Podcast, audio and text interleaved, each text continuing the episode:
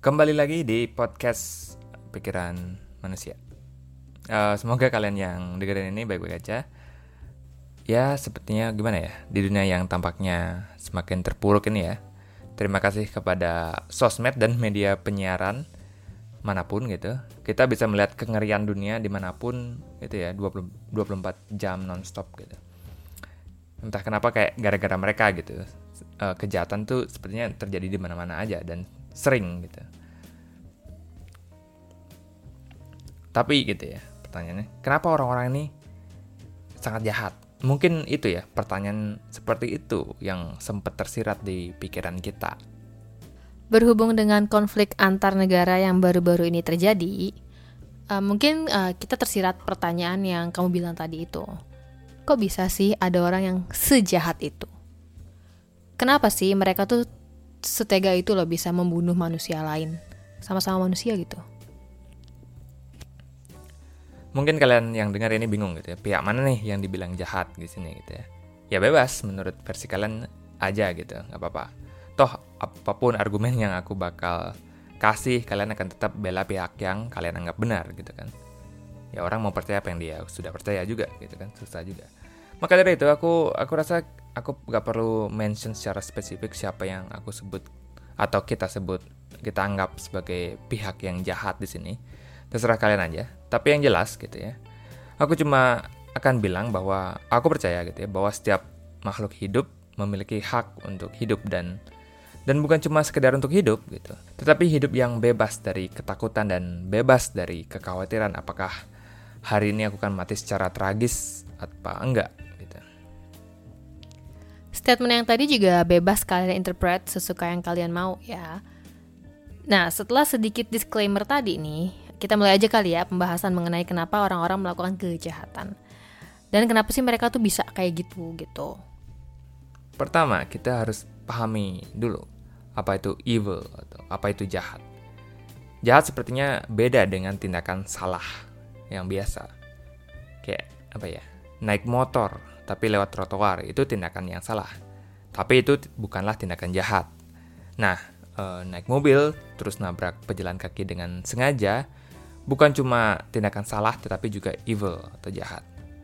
Kita otomatis mengasosiasikan kejahatan dengan orang jahat. Orang jahat di benak kita uh, yakni orang yang mampu melakukan tindakan yang melanggar moral secara intensional atau sengaja gitu ya melukai orang lain. Uh, dan orang-orang seperti ini di gambaran apa ya, otak kita mereka tuh tidak merasa bersalah telah melakukan hal tersebut gitu ya dan mungkin mereka bisa memberikan justifikasi mereka sendiri kenapa mereka melakukan itu. Orang-orang kayak gini kita gambarkan biasanya seperti setan ya, yang tidak memiliki rasa kemanusiaan sama sekali. Inilah orang jahat di mata kebanyakan orang. Kita cukup nih sering melihat gambaran orang-orang seperti ini di sinetron, di film gitu misalnya. Tokoh antagonisnya tuh secara total jahat banget dah pokoknya. Dan emang sengaja ingin berbuat jahat gitu demi kepentingannya mereka pun sepertinya menikmati gitu loh jadi jahat kejahatannya itu nikmatin gitu. Benar selama ini kita akan melihat bahwa kejahatan dilakukan oleh ya orang jahat dengan motif jahat gitu sesimpel itu. Tapi apakah realitasnya apa ya apakah benar hanya seperti itu? Mungkinkah kejahatan dilakukan oleh orang yang tidak jahat sama sekali gitu bisakah orang biasa seperti kebanyakan orang kayak kita misalnya melakukan tindakan jahat tanpa kita sadari. Pertanyaan-pertanyaan inilah yang ingin dieksplor oleh Hannah Arendt.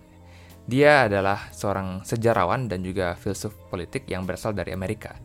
Dia terkenal akan salah satu pemikirannya yaitu uh, the banality of evil atau banalitas kejahatan. Tapi sebelum kita bahas ini apa lebih lanjut gitu ya idenya, kita akan lihat dulu proses bagaimana Arendt uh, sampai ke kesimpulan ini. Hannah Arendt yang tertarik pada kasus-kasus kemanusiaan seperti Holocaust atau pemusnahan yang Yahudi yang dilakukan Jerman tuh waktu itu misalnya, dia melihat tindakan ini seperti sebagai sebuah bentuk radical evil atau kejahatan radikal. Kejahatan seperti ini tuh mampu dilakukan oleh individu maupun sebuah rezim ya. Kejahatannya dilakukan dengan penuh niatan dan justifikasi moral mereka sendiri yang keliru gitu. Dan tindakan ini sangatlah tidak menghormati kemanusiaan dan martabat manusia itu sendiri. Pemikiran awal ini tertuang pada bukunya yang berjudul Human Condition pada tahun 1958. Tapi idenya ini mengalami revisi ketika Arendt menyaksikan sendiri persidangan dari seorang penjahat. Uh, aneh ya gitu ya. Kenapa bisa pemikiran seseorang, apalagi filsuf kayak Hannah Arendt, tiba-tiba berubah begitu aja hanya karena dia menonton atau menyaksikan suatu persidangan suatu pelaku kriminal. Karena gitu, persidangan ini bukanlah persidangan kriminal biasa. Yang sedang disidang adalah Adolf Eichmann, eh, pejabat Nazi yang bertanggung jawab atas perencanaan dan pelaksanaan upaya sistematis untuk memusnahkan orang Yahudi selama Perang Dunia Kedua. Dengan pemikirannya mengenai radical evil ini, mungkin kita akan expect Eichmann adalah seseorang yang jahat, yang nihil empati gitu. Mirip monster yang hanya ingin membawa kekacauan di dunia ini. Kita expect juga bahwa dia dengan sadar bahwa tindakan yang ia lakukan itu melanggar nilai-nilai dan moralitas yang berlaku di masyarakat. Tapi apakah berdasarkan tingkah laku dan jawaban-jawaban yang Eichmann uh, tunjukkan di persidangan itu sesuai dengan apa yang udah uh, Aren pikirkan. Apakah Ahman benar menunjukkan kejahatan yang radikal? Yang mengejutkan, ternyata Ahman sangatlah normal. Dia terlihat seperti birokrat biasa yang menuruti perintah atasan uh, supaya karirnya lancar, melejit, dan diterima oleh koleganya, rezim, dan siapa pun pada saat itu. Tidak sedikit pun terkesan bahwa Eichmann ini adalah monster yang kita cari-cari, yang Aren cari-cari. Tidak seperti Mersel di episode lalu yang memang asing dan berbeda de, uh, dari kebanyakan masyarakat. Aiman tidaklah jauh berbeda dari kita atau orang kebanyakan, siapa pun. Dia menemukan makna dalam pekerjaannya dan ketundukannya dia pada perintah atasan membuatnya tidak mampu berpikir secara terang, gitu, secara rasional untuk menentang keputusan atasannya. Jadi dari sudut pandang Ahman ataupun banyak pejabat Nazi lainnya, mereka sendiri tidak memiliki paham dengan mendalam tentang kejahatan yang mereka lakukan ataupun uh, konsekuensi akibatnya ya. Mereka hanyalah pelaksana tugas gitu, menganggap diri mereka sebagai pekerja yang hanya melaksanakan perintah tanpa merenungkan dampak etis dari tindakan mereka. Karena itu, kejahatan yang mereka lakukan menjadi banal atau sehari-hari tidak terlalu berbeda dari rutinitas pekerjaan kantor Ya, inilah banalitas kejahatan gitu atau the banality of evil menurut Hannah Arendt. Tidak selamanya kejahatan itu terjadi karena di belakangnya terdapat orang jahat gitu yang dingin kayak monster yang memang memiliki niatan untuk menyebarkan kejahatan gitu. Teror dan ketakutan di masyarakat. Bahwa terdapat kasus di mana kejahatan luar biasa kayak seperti Holocaust tadi dilakukan oleh orang-orang biasa seperti kita aja gitu. Kita pun bisa gitu kejahatan ini tidaklah jauh gitu ya, namun sangatlah dekat dan siapa pun siapa pun bisa terlibat dalam uh, kejahatan yang luar biasa.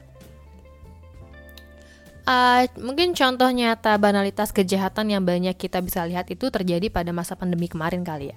Pedagang biasa yang dengan hanya motif mendapatkan untung lebih memborong dan membuat masker tuh jadi langka, ingat nggak tuh? Uh, mereka membuat harganya itu melambung tinggi dan orang yang sangat memerlukan masker ya kayak nakes dan orang-orang yang sedang sakit beneran itu tidak mendapatkan tidak mendapatkan masker yang seharusnya dipakai. Dampaknya sangat fatal ya dengan membuat penyebaran COVID-19 waktu itu menjadi semakin parah dan membuat jumlah korban jiwa tuh tambah banyak. Nah, niatan pedagang tadi bukanlah kejahatan yang terstruktur dan radikal seperti yang Aren pada awalnya pikirkan, tapi kejahatan masker muncul karena suatu motif yang dianggap banal oleh pedagang tersebut. Ya ini ya cuma pengen dapat untung yang lebih aja. Oke, sekarang kita paham ya apa yang Aren maksud sebagai banalitas kejahatan. Terus apa gitu? Apa? Dengan memahami ini, Aren menyoroti bahayanya ketaatan buta terhadap otoritas dan ketidakpedulian moral yang bisa muncul, terutama dalam situasi di mana apa ya individu menyerahkan tanggung jawab pribadi mereka pada penguasa atau sistem jadi mereka ya udah tanggung jawabnya ke mereka kok gitu. bukan aku nggak ada tang tanggung jawab sama sekali gitu kamu dengan seenaknya menganggap dirimu lepas tangan gitu Aren mendorong kita untuk lebih banyak gitu melakukan refleksi etis gitu. dan pertimbangan individu dalam mengikuti perintah atasan. Bahkan gitu ya, ketika kita berada di lingkungan yang birokratik dan otoriter kayak waktu di jama di Nazi pada Perang Dunia Kedua. Kedengarannya sih menarik ya secara teori. Untuk memberontak ketika ada keputusan atasan yang melanggar nilai-nilai kemanusiaan. Tapi keinginan manusia untuk diterima dan keinginan untuk bertahan hidup membuat saran yang Aren berikan ini terlihat ya udah cuma ngomong belaka aja. Ya, walaupun saran tadi terdengar sulit untuk dilakukan, setidaknya dengan memahami banalitas kejahatan, kita bisa lebih sadar dengan segala konsekuensi dan dari tindakan yang kita lakukan. Jadi kita nggak boleh uh, lepas tangan banget gitu. Kita harus tahu juga apa yang kita lakukan tuh konsekuensinya apa. Jangan hanya karena kamu pikir niatmu tidaklah jahat gitu bukan berarti tidak menghasilkan kejahatan. Malah sebaliknya bisa aja gitu. Selain itu, dengan memperkenalkan konsep ini, aku harap kita bisa melihat situasi konflik mana pun tidaklah dalam perspektif hitam putih aja gitu. Dan aku pun selalu percaya bahwa tidak ada yang benar-benar hitam putih di dunia ini.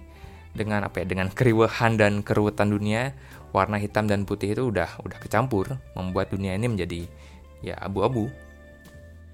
Aku rasa sih pemikiran Hannah Arendt yang kamu tunjukin di episode ini tidaklah untuk membuatmu berganti pihak ataupun menganggap tindakan kelompok A atau B ini menjadi tidak jahat ya.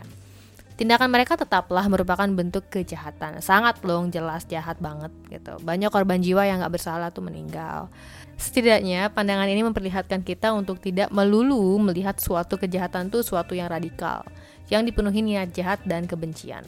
Melainkan nih, kejahatan itu bisa muncul dari tindakan-tindakan yang dilakukan manusia penurut dan gagal dalam berpikir.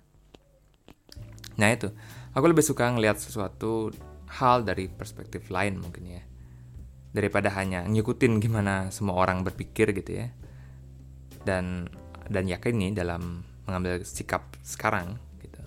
Aku rasa kita sebagai pihak luar sangat susah untuk tahu kebenaran yang ada di sana dengan akses informasi yang terbatas, mungkin sebaiknya gitu ya, lebih baik berhati-hati mengambil kesimpulan. Tapi jika kalian rasa, kalian pikir informasi yang kalian dapat sudah cukup memadai gitu ya, dan kesimpulannya terlihat jelas ya, ya nggak masalah aja. Mungkin mungkin aku aja yang memang kurang dapat informasi aja gitu.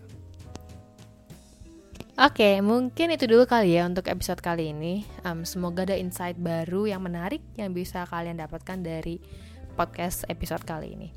Uh, gimana menurut kalian? Apakah kejahatan itu sesuatu yang radikal atau banal? Atau justru kedua-duanya? Komen di Noise, First Story, atau Saberia. Uh, thank you udah mau dengerin. Follow juga. Seperti biasa ya, follow juga di Spotify buat yang belum. Bye. Bye.